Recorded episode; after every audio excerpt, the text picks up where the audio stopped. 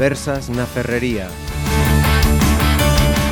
Saudos arrancamos unas eh, conversas de plena actualidade. Ese non que mm, lles digan os eh, rapaces, creo que preto de 11.000 en toda Galicia, que estes días están a facer a selectividade, unha proba que podería, imos ver se si aquí o temos eh, máis ou menos eh, clariño, que podería ser a, a derradeira según os planes do goberno en funcións eh, actual. Están comigo nos estudos de Pontevedra Viva Radio. Comezo pola miña dereita, Rogelio Carballo, presidente da FAMPA, benvido. Moitas grazas. Carmen Fouces, concelleira de Educación e tamén eh, docente, profesora. Benvida. Hola, boa tarde. E Álvaro Arizaga, que é profesor da Escola de Restauración. Benvido tamén. Hola, encantado. Como señalaba, bueno, antes de, de, preguntar por la situación, por cómo está planteado tema, ¿todos pasamos por la selectividade? Pois pues no meu caso sí, de logo. No meu tamén. Sí, eu tamén, eu sí. tamén, claro. Eh, en cada un de vos, eh, era o lobo tan fiero como pintaban ou al final ni siquiera mordía? No meu caso teño que decir que non foi demasiado complexa, o que si teño que o que si recordo é que mm, os resultados non foron moito eh, de acordo co nivel que había no meu instituto no seu día, non? Uh -huh. Nos tiñamos casos de xente que era Premio Nacional de Bacharelato e que, que aprobou a selectividade raspada. E despois, sin embargo, fixo a carreira de telecomunicacións con matrícula de honra en todas as en todas as asignaturas. Uh -huh. O sea que, bueno, eu xa, xa para adiantarme digamos, que... a opinión que podes ter desta Efectivamente. No meu caso, eh, eran épocas onde a selectividade era moi definitoria. Mm, non había 80, 90% de aprobados que pode haber últimamente, había un 60, 70 como moito. Cera, había un importante número de cates. Eh, bueno, pero tampouco era necesario acadar estas medias, nin estas notas.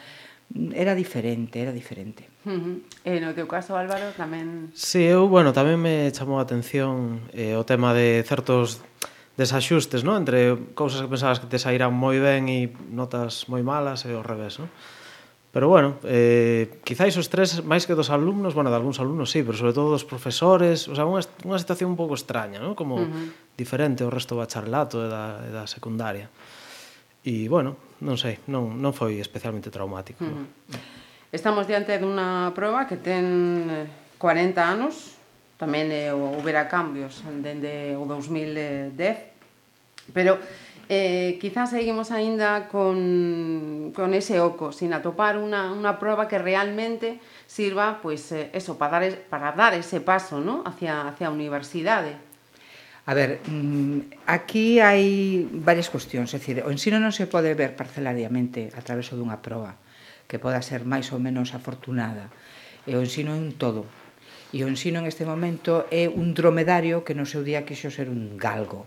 Eh, apareceu un proxecto no seu día, nas súas primeiras leis, con unha suposta mellora da calidade educativa e todas as leis apelan a mellora da calidade educativa, cada lei vai incorporando, quitando, sacando e metendo e ao final o que temos é un artefacto educativo que non agrada a ninguén, que non facilita a vida da, nin do alumnado, que son os primeiros que teñen, nos que se ten que pensar e que simplemente pois está está entorpecendo moitas cercenando ademais moitos soños, moitas ilusións uh -huh. e moitas vidas, non? Como ben decía Roselio, o presidente da FAMPA, eh, moitas veces ese afán avaliador e ese afán de etiquetar as persoas de que con un 7, un 8, un 9 pois provoca que ao mellor non poidan ter acceso a determinadas eh, estudos que resulta que se si tuveran accesos, acceso pois serían moi brillantes persoas que ao mellor non, non terían uh -huh. non terían a priori unha, unha brillantez tan avalada por esos por esas uh -huh. notazas das,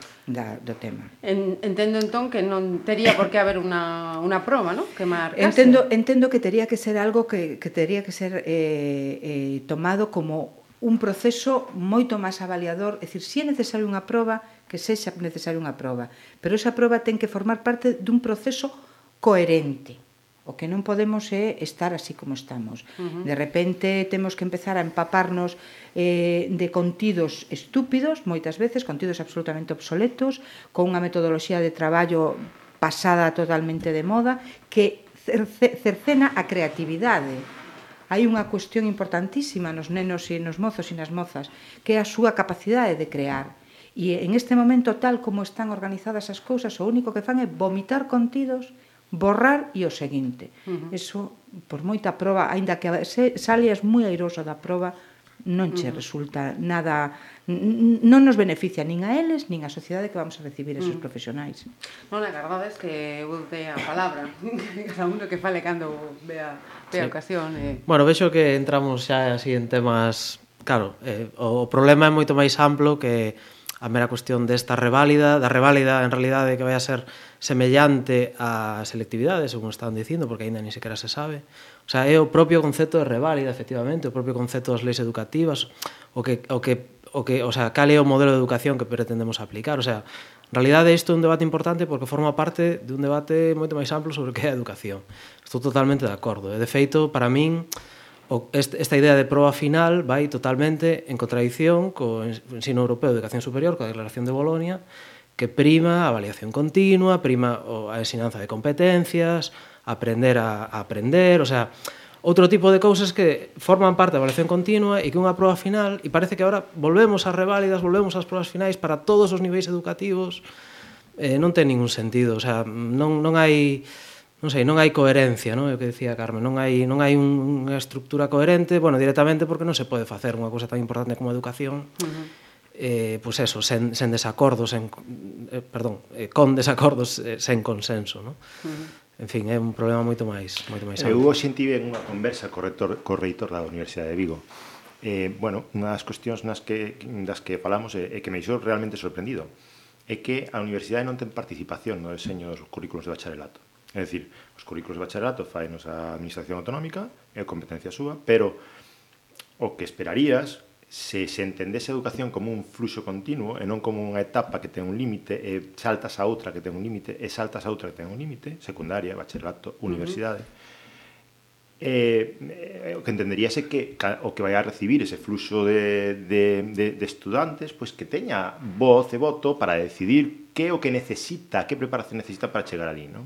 Pois non, porque seguimos entendendo o bacharelato como un título, é dicir, o título de bachiller, que, que, que fai 60 anos te habilitaba para certas cuestións, pero que hoxe en día non ten ningún valor. Eu non coñezo a ninguén uh -huh. que presuma de no seu currículum vitae que ten o título de bacharelato. O sea, eso é un, é un, debería ser a continuidade no proceso educativo, eh, tanto por, pues, eh, se te encamiñas por unha formación profesional de ciclo superior, como se te encamiñas por, por educación universitaria. Pero os que van a recibir eses alumnos deberían ter eh, capacidade para instrumentalizalos eh, de xeito que non haxa ese salto, non esa discontinuidade. Se ti teras ese traballo feito, eh, probablemente non necesitaras un, non, non necesitases unha proba de acceso á universidade. Porque co propio eh, demostrando as competencias que a universidade eh, define no currículum de bacharelato, ti xa estarías habilitando para, uh -huh. para participar da universidade, no? para continuar os teus estudos universitarios. Nos, eu, dende logo, non creo o que en pleno século XXI teñamos que seguir definindo o proceso educativo por etapas estancas, E, ademais, tendo en conta que o único futuro que nos espera como sociedade pois é unha economía do coñecemento, eso que ahora tanto se fala, pero que pouco se practica, no que a, a, a formación e a educación vai ser continua e cun, cun reciclaxe permanente en todos os momentos, o que hoxe é válido dentro de 15 días deixa de selo, eh, non se pode plantexar con estes termos, non? Eh, con esta forma de entender a educación en, en, en títulos estancos, en formación estanca, en, en etapas definidas. Non? Uh -huh. Sí, sí. Mm, bueno, sí, si me permitides. A ver, eu non me atrevo a, a, a, a decir como debería ser o modelo educativo, porque eso hai eh, Si non sin, a ver, a educación é un campo de batalla ideolóxico e sempre foi un, é o campo de batalla, de batalla político en sí mesmo, porque estamos creando os cidadáns do futuro. A educación ten un fortísimo poder transformador da sociedade. Entón, si somos capaces de crear eh, un, un corpo eh, humano eh, e mente unida eh, con unha capacidade crítica e unha capacidade de exigencia, pois o mellor pois nos a podemos atopar con algún problema, non? Entón, eh, Ese tipo de, de cousas, eh, determinadas xerarquías que levan moitos anos traballando para evitar que eso pase, pois nos, nos coloca leixes como, como esta. Como decía, como decía aquí o, o compañeiro que ven en representación de, da Escola de Restauración, Álvaro, uh -huh. Álvaro sí. eh, efectivamente eh, non hai consenso, pero como vai haber consenso se o que nos poñen encima da mesa é unha lei que resulta que vai encamiñada a reforzar a confesionalidade. É dicir, donde a, a, a, a, a asignatura de religión vai a computar na media a quen se lle pode pasar por a imaginación uh -huh. en este momento colocar encima da mesa unha lei que diga isto. Uh -huh é dicir, que, que, que, que compute dentro da, da a, a, a, o que a, a... Sí, pero ese, ese penso, eh, que é un handicap que, que, que venimos dende hai décadas. Cada goberno trata de reformar a, a lei, echar atrás an, anterior e, e ao final son os rapaces, os eh, estudiantes de bachilleratos, universitarios, os que os que sufren todos eh, todos eses pero, cambios. Pero y... o, o tema, o problema é que claro, aquí isto é o que decíamos ao principio, hai unha élite determinada que está taponando todo o que pode para que ese poder transformador da educación non se leve a cabo e poidamos pois ter máis ou menos xente. O, do que se trata aquí en base é ter ao personal entretenido chapando un montón de cousas e con un montón de barreiras que hai que superar. Entón, hai un montón de reválidas, un montón de probas, un, unhas medias eh, estratosféricas. Entón, mentres estemos aí, estamos, estamos a outra cousa. E, e mentres teñamos un ensino diseñado desa maneira, pois estamos a outra cousa. Quen se beneficia de, de, de estar a outra cousa? Pois esa é a pregunta que nos temos que responder. Uh -huh. Sí, pero eh, tamén terá que haber algún tipo de, de, de, de selección ou, ou, ou criba, por decirlo de, de algún xeito, mm. mm a chegada da, da universidade, por exemplo, non? As cribas que, que eu hasta agora, dende logo, foron, eh, pola nosa experiencia, polo, polo pouco que papei na universidade cando me tocou, foron completamente ineficaces. Eu xente, uh -huh. xente que viña sí, cos sí, currículos... Sí, sí, non digo que sean válidas, eh, pero que... Cus currículos eh, mediocres de todo, pasaron pola carreira miña, vamos, uh -huh. como cohetes. Xente que tiña currículos, currículos brillantes, pois aos dous días pecharon os estudios e marcharon para casa. Entón, pois, eh, eu non...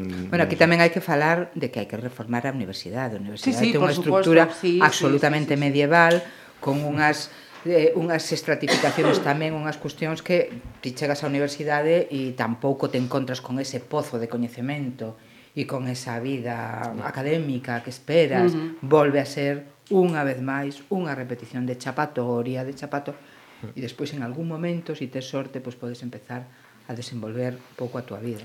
Mm. Sí, eu, perdón, eh, en relación co que decía Roxelio, eu creo que aí eh, eh, é certo que a selectividade, bueno, tampouco cumplía un papel realmente demasiado relevante. Eu non coñezo ninguén que lle cambiara a vida unha mala nota de selectividade, porque mellor sí. despois se presentaba o día seguinte, bueno, houve xente que me, quizáis cambiou de carreira, pero non sei, tampouco creo que fose un problema grave, non era algo que estuvese a funcionar mal. Uh -huh. Isto son ganas de cambiar cousas que mellor, bueno, pois dentro do que cabe, eh, non sei, é, é un tema en certos temas críticos hai que meterse con moito cuidado e aquí desde logo non, non foi así. Eu creo que aquí en todo isto se está tratando de aplicar un modelo de en teoría chamase así, pero en realidad é falso para min, de excelencia académica, ¿no? Como que no vamos a diferenciar os bons dos malos, ¿no? E, e un modelo un pouco tomado do modelo anglosaxón, que ten moi cousas moi boas no modelo educativo, Pero logo ten outras tamén, claro, que se solamente nos quedamos co malo e non co bo, pois, pois mal andamos, non? E eu, esa é a miña sensación do que está pasando actualmente no ensino superior, non? Que é o que mellor coñezo. Eh, de feito, esa idea de, en relación co que di Carmen, claro, necesitamos estimular a creatividade, estimular as virtudes da xente, é dicir, todos os cidadáns teñen un oco na sociedade. A función da educación é atopar o oco para todos os cidadáns, cada un no seu ámbito. Entón, ser capaces de orientar os alumnos para unha formación coherente cos seus gustos, cos súas capacidades, non eh, cribar os bons e os malos. O concepto de reválida, aínda máis que o concepto de selectividade, parece que diferenciamos entre os listos e os tontos, o sea, entre os que sobreviven e os que, o sea, parece que estamos fomentando, pois non sei, que hai cidadáns de primeira, cidadáns excelentes e cidadáns de segunda, cidadáns incapaces. Uh -huh. E iso é o que o modelo educativo non pode permitir. De algún xeito, eh, é o que está a sinalar, eh, o que decías antes, o Espacio Europeo de, de Educación Superior, ¿no? que, que sea unha evaluación por, por competencias e tamén, quizás, sea outra das eivas, das, eh, dos eh, ciclos de, de primaria e secundaria, ¿no? que ya eh, se conduza o, o alumnado pues, hacia as súas eh, potencialidades e... e... Mm. Bueno, o das competencias eu creo que aquí a nosa Xunta de Galiza non o entendeu non sabe o que significa, porque a avaliación por competencias, tal como está en este momento estipulada nos centros educativos, polo menos nos de ensino medio, uh -huh. é unha burocratización dunha programación que consigues o mellor adicarlle dúas, tres ou catro meses para intentar sacar adiante un documento que a inspección educativa de por válido. O sea, avaliar por competencias non significa crear como unha especie de monográfico sobre o que vas facer, bueno, unha, é unha absoluta barbaridade o que están a facer desde o punto de vista burocrático. Colleron o concepto de ensinanza por competencias e o aplicaron dun xeito, pois, non sei, eh, que a eles lles pareceu e, e volvemos outra vez a, a, ao mesmo, o sea, vamos a estar aquí dándolle voltas a 40 papeles e logo xa veremos a ver como nos sale. O final, a metodoloxía que se sigue utilizando nas aulas é exactamente a mesma que a lei anterior, que a lei anterior, que a lei anterior, Estamos sempre nas mismas. E non porque a xente non teña ganas de facer outras cousas, é que non hai espazo vital. O sea, e o espazo que hai a veces está tan desmotivado, con tan pouca posibilidade de, de, de, de moverte, con un mínimo de, de liberdade. Porque eh, hai moitas dúbidas. A, a primeira se chegará a aplicarse, porque temos aí o 26 de xuño, veremos sí. a ver o que pasa, De feito, hai un recurso posto eh, os, ante, o valedor, ante a valedora do eh, povo. E os grupos da, oposición, da oposición dixeron que mm, si camba o goberno, esta lei al 11 non, non sai adiante. Entón, está eh, a lei sobre a mesa. Segundo, eh, o profesorado descoñece totalmente o que vai facer o, o indeiro curso tamén, esas outras. Sí, claro, claro, claro. Uh -huh. bueno, eh, en realidade, eu creo que onde menos problema hai, porque parece que todo o mundo está dicindo que, bueno, que a reválida de bacharelato vai a ser moi semellante á actual selectividade, no? co cambio no Ministerio de Educación, o anterior ministro, eh, ver propuxera, pues eso, incluso un tipo test, 350 preguntas, todas uh -huh. iguais para o Estado español, non sei que, que eso sí que foi moi contestado e tal. E agora parece ser que o novo ministro xa está dicindo, bueno, no, en realidad debe ser prácticamente igual a selectividade actual, non vai haber ningún cambio. Uh Entonces, Creo que a diferencia vai ser que se vai facer nos centros educativos, porque pois aquí hai unha cuestión, polo menos o que pon alón encima da mesa, tú podes ter feito o bacharelato ou podes ter rematado a eso con todas as buenas as boas notas e todo, e se si non si pasas, no pasas ah. ese ese exame, te quedas sin título. Hmm. Sí, sí, sí, bueno, o sea, eso, eso, eso é unha, es unha absoluta sí, barbaridade. Sí, sí. Creo, creo que a novidade fundamental polo que hoxe contaba o reitor da Universidade de Vigo é que os tres reitores das universidades galegas están colaborando para elaborar a proba, é dicir, para que esa proba teña pois, un contido eh, que sexa útil para o acceso á universidade, que non sexa un contido de... Sí, pero a proba, a proba en sí é un, sí, no, unha barbaridade, o sea, unha ainda que a pinten de colores. Defender, eu xa digo, a, a, a miña posición, o que eu creo persoalmente eh, sobre esta cuestión, desde logo non ten ninguna defensa posible. Eu creo que no que decía antes Álvaro, que, eh, que como sociedade non, estamos, non, non temos nin o dereito, nin nos podemos permitir o luxo de, per, de perder unha sola gota de talento. Me mm. dá igual en que área ou en que sitio, e a educación está para descubrir e fomentar e incentivar ese talento. Eh, ese talento a veces mm, ás veces aparece onde non se espera ou en etapas tardías ou non, non é unha cuestión que se poida programar. Entón, por, eu non, non comparto ninguna clase de limitación eh, para, para descubrir ou para que nos mm, mm poidamos perder ese talento.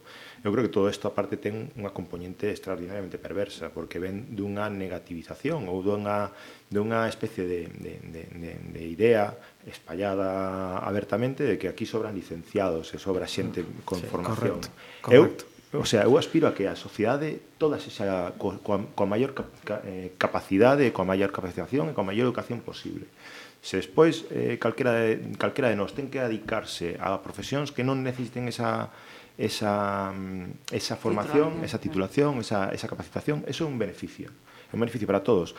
Eh, a mí me gustaría que alguén computase eh, o beneficio económico que supuxo para esta nación esta, esta, esta etapa de crise, eh, en, en, en aforro formativo que xa estaba dado eh? porque mm, en vez de ter exceso de titulados académicos tiveramos un exceso de xente traballadora ao metal con, to, con todos os respetos pero a que tiñeras que facer unha reconversión industrial ou exceso de xa, tivemos, xa tivemos unha reconversión industrial parcial cos traballadores do, da construcción pero imaginade agora que fose en todos os ámbitos profesionais non, o, sea, o custe económico sería moito maior que o que gastaches a formalos previamente Eh, eh, calquera persoa que pasou polo paro sabe que os titulados non teñen ningún tipo de formación adicional para reciclarse. Están apuntados no paro, pero para eles non hai formación ninguna, porque xa se supón que teñen ferramentas.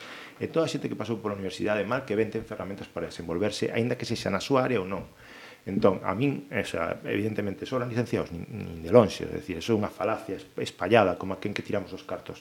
Nin, nin, por, por, por, por lo tanto, non podo compartir esa idea de que eh, de que hai que poñer portas a universidade. Non, non, eu creo que a universidade debe ser o camiño o camiño natural para todo o mundo, o camiño aberto para todo o mundo. Sabremos despois eh, eso en que fructifica, pero en de logo o custe é marginal respecto aos beneficios que, que plantexa. Non? Sí, pero tamén ese é certo que durante a crise tamén ese, ese coste que supone eh, formar a todos eses eh, titulados marchou fora. Eso tamén sería outra cosa que, que o goberno ten, te, tería que, que plantexar, non? Eh, eu, eu creo que hai máis que o goberno que temos que mirarnos a nos mesmos, non? Uh -huh. No meu campo, eu son arquitecto, no meu campo teño ofertas de traballo por 400 euros que están sí, por debaixo sí. do salario profesional uh -huh. mínimo, non? Para un titulado con unha ademais moitas veces incluso coa responsabilidade persoal intransferible de, de, de levar a dirección de obras non? Uh -huh. é dicir que eso é unha cuestión que nos temos que nos mirar a nos mesmos e nos nos podemos dar o luxo de eh,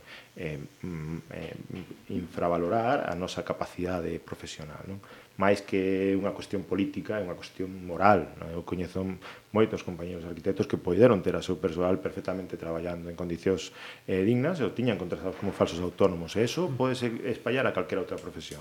Uh -huh. eh, non creo que aquí sexa sempre a responsabilidade de, de derivarlle a cuestión moral ao goberno de turno. O goberno uh -huh. de turno pone, pode facer legislacións máis eficientes para, para que non haxa ese tipo de fraude laboral pero creo que isto é unha responsabilidade individual. Non? Uh mm, -huh. Eu creo, eu, sin embargo, penso que mm, o respecto de, das consecuencias que trae ter un importante número de persoas universitarias eh, pois con ca dificultade de atopar o seu posto de traballo sí que me parece un despilfarro brutal e sí que os gobernos teñen unha responsabilidade enorme, o sea, o diñeiro público está aí, tes que saber ben despois sacarlle a rentabilidade se outros gobernos, porque son outras políticas en outro momento determinado, son capaces de quitarlle esa, ese fruto, ese froito nos tamén teremos que poder.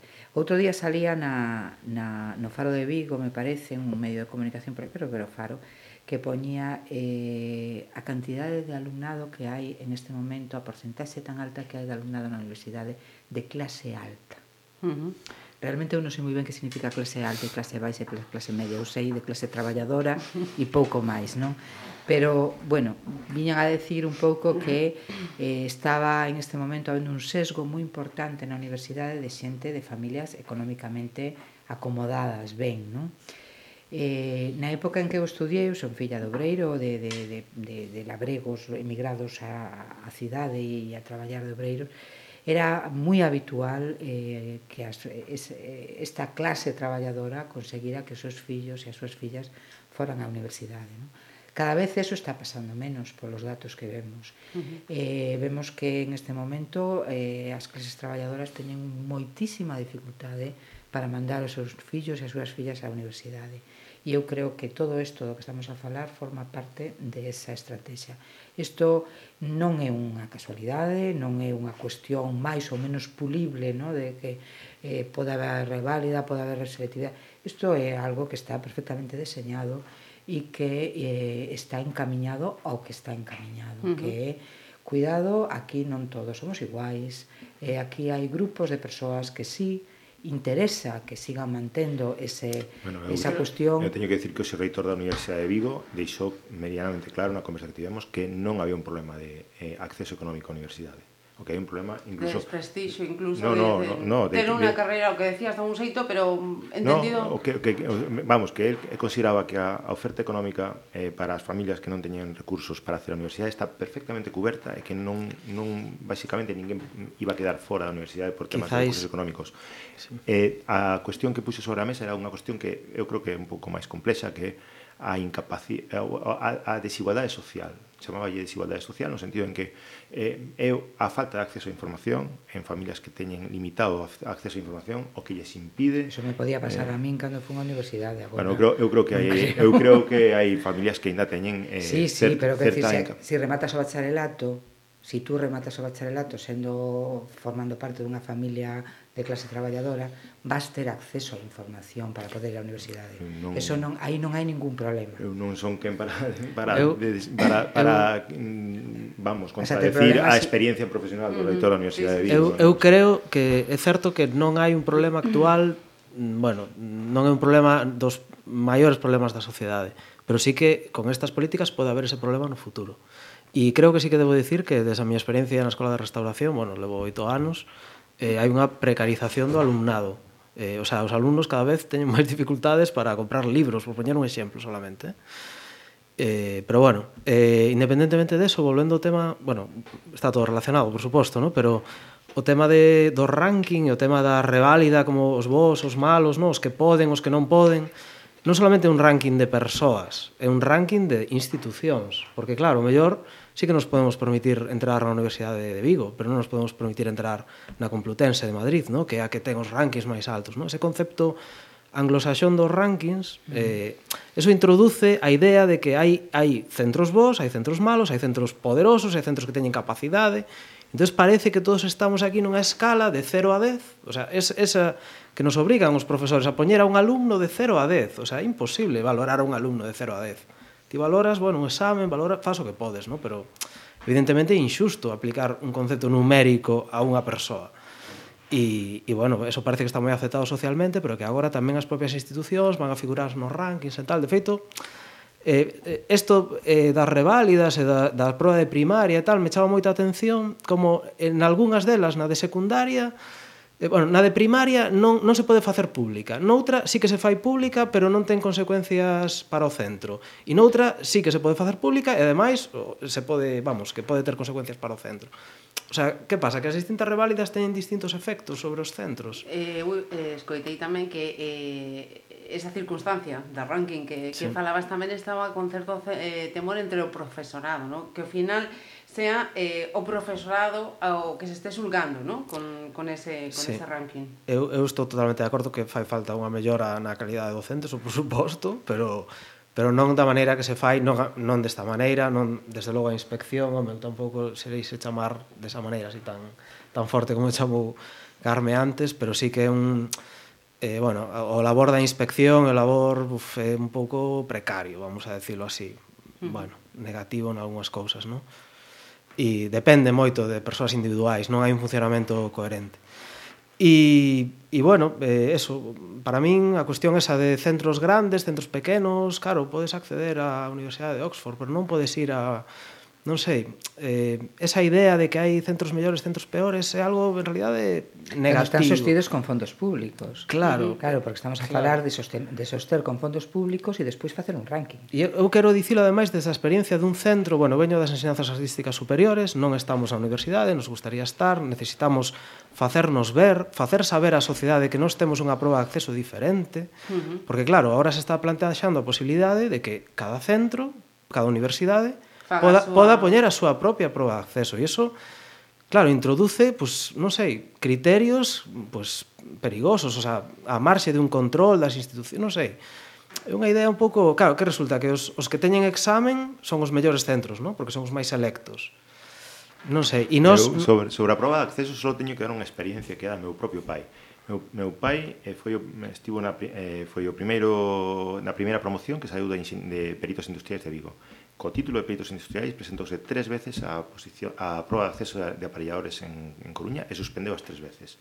Algo que é bastante inverosímil, non? pero que, que, vamos, a mí me parece que as probas de acceso eh, uh -huh. completamente individuais de cada, un, de cada centro son perigosísimas. Sí. O sea, a mí sí. me parecen perigosísimas.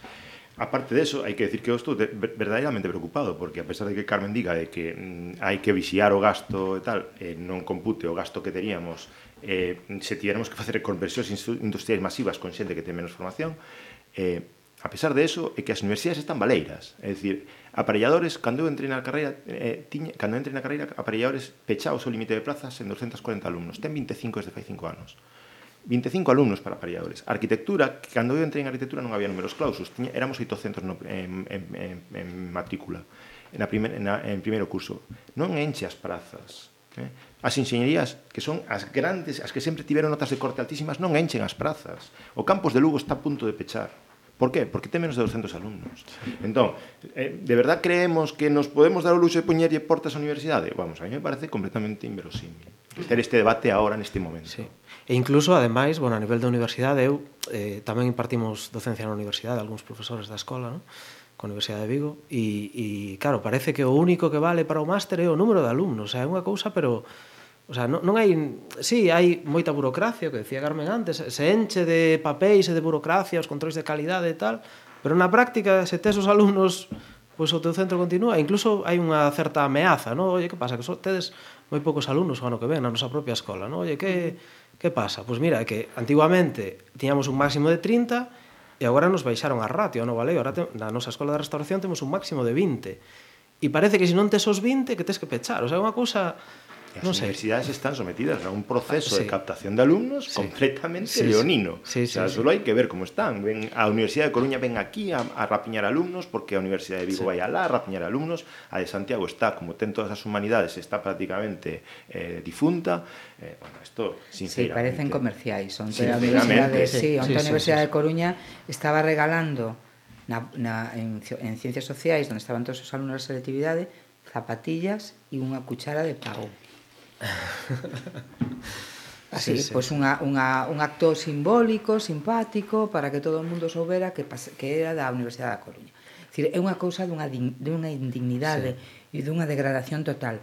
E cando eu falaba de que era un plan que estaba que está deseñado, precisamente iba por aí, Roxelio, dicir, as, as aulas das universidades están quedando baleiras as que se poden acceder, pero despois hai un montón de aulas donde non se poden acceder e donde para acceder é necesario ou ter un 9 de media en todo ou irte a privada, que están petadas. É dicir, eso, eso eh, eh, está sendo así. É dicir, hai un montón de, de, de estudos que por, por circunstancias as que sexan, pois son prácticamente inaccesibles. Ou te, ou te pagas unhas millonadas tremendas e despois O tema de, de que non é unha cuestión de diñeiro na universidade, o 3 máis 2 da 11, cos mm. másters de posgraduado, caramba, a ver quen, quen ten arrogancia para pagarse sí. miles de euros, porque se non te quedas con un graduado que, no, que é como si, como... Sí como na reválida, o sea, non aprobas a reválida e te quedas co papel mm. de non, non te lo bacharelato. Non me contes que na miña carreira son 4 máis 2, non por eso, más 2. Por eso digo, sí, sí, o sea, sí, sí, sí. é unha cuestión en este momento hai eh, unha, un ataque brutal á democratización da universidade e de todo o que supón o ensino superior.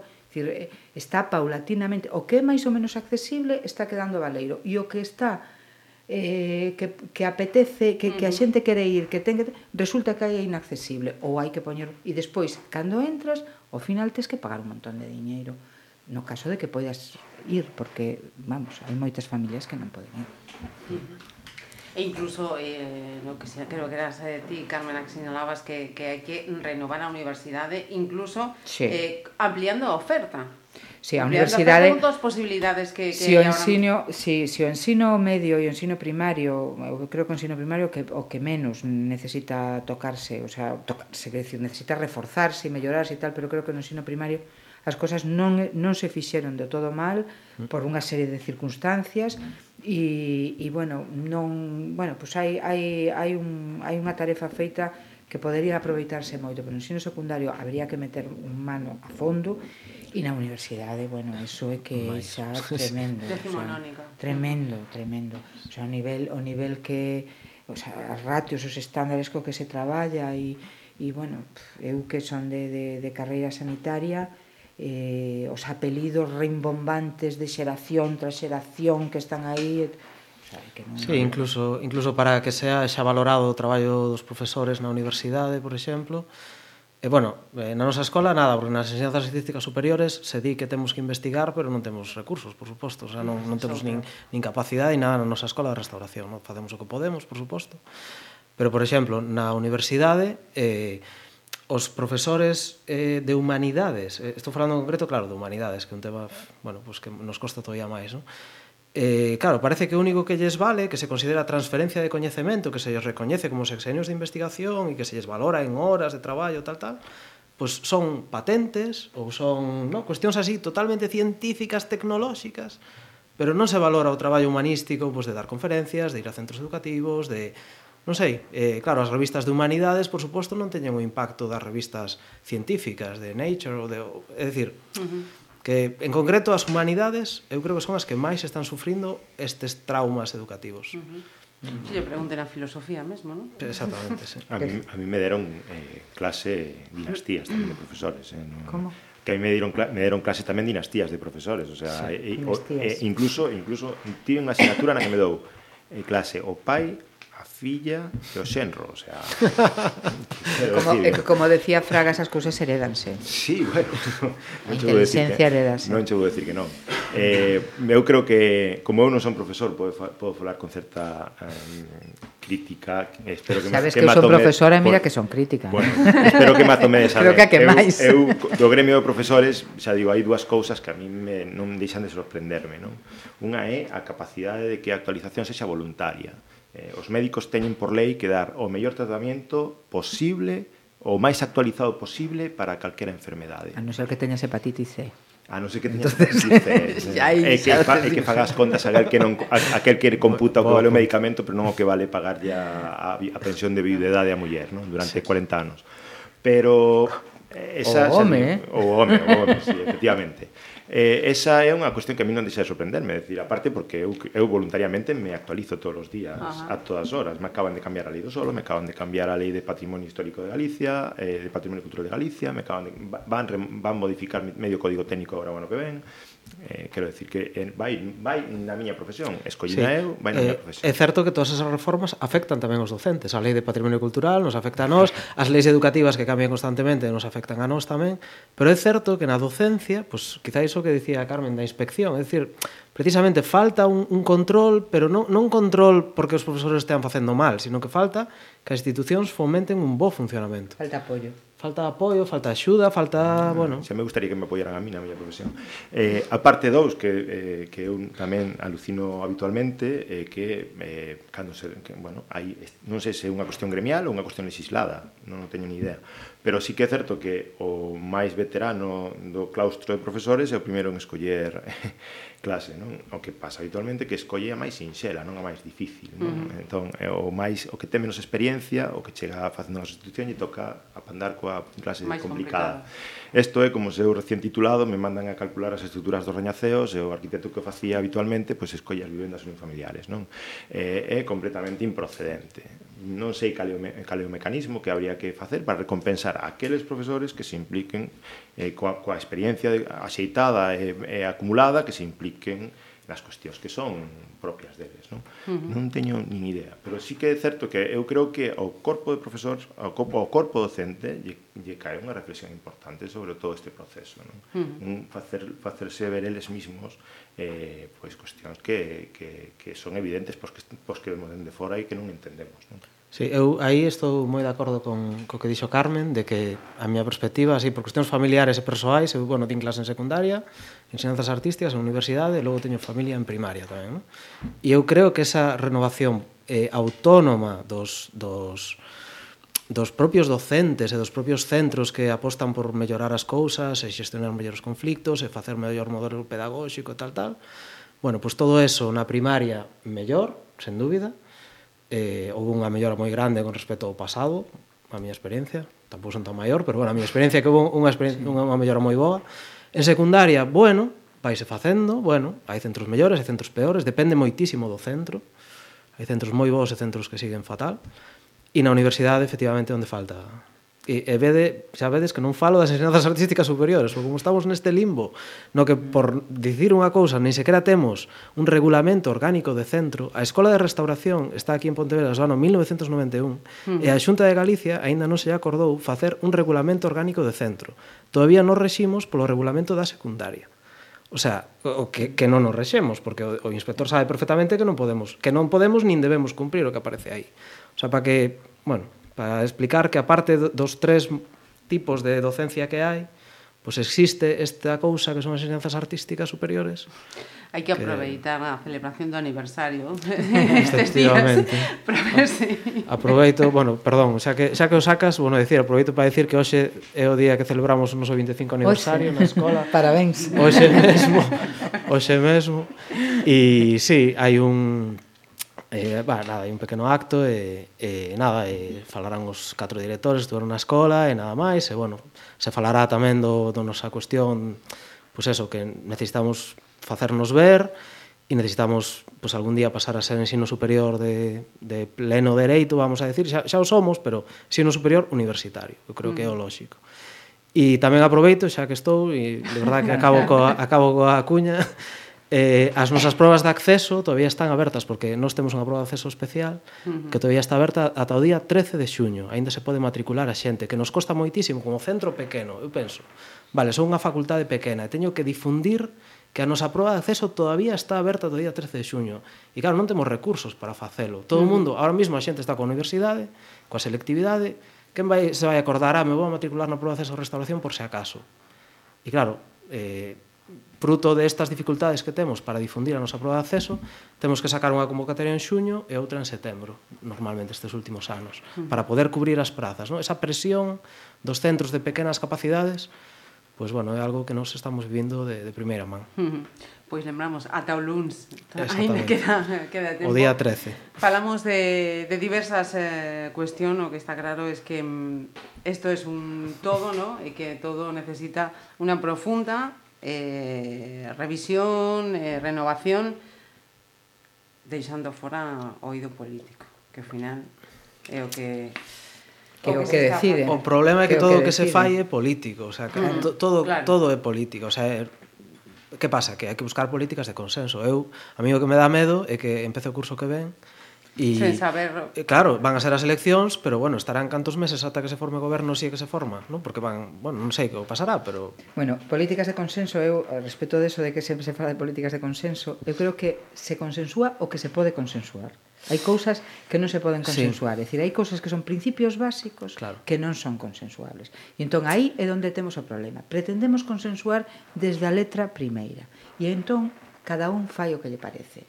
Si tú partes de un posicionamento claro de como ten que ser o ensino, laico, gratuito, de calidade, igualatorio, xusto, justiz, é dicir, con unha serie de eso non se pode consensuar. Eso son cuestións absolutamente básicas que están na, na, na Constitución, nas leyes superiores e en todas estas cousas. Claro. Logo, a partir de aí, xa empeza o que sería o resto de o consenso. Empezamos a falar por ámbitos e empezamos a ver os profesionais, as familias, cada un o que vai. Pero claro, cando entramos a consensuar cousas como si eh, a religión puntúa ou non puntúa, si ta... entonces claro, aí é que sempre estamos na lección 1. Uh -huh. Sempre estamos volta outra vez desde o principio e así non hai maneira humana. Pero, como digo, eu sigo pensando que é perfectamente deseñado e a mantenta. Porque así nos poñen a zanahoria e nos estamos aí, dalle que dalle, o tema dos, do, do profesorado é outra zanahoria que nos colocan e seguimos dalle que dalle, pero o verdadeiro problema que hai que é man, coller catro pilares vos básicos e absolutamente e inamovible e a partir de aí edificar, eso seguimos sin asumilo. Hmm. Pois eh, Álvaro, Carmen, Rogelio, grazas por estar eh, con nós. Eh, seguro que non será a derradeira. Moitas gracias. Graciñas.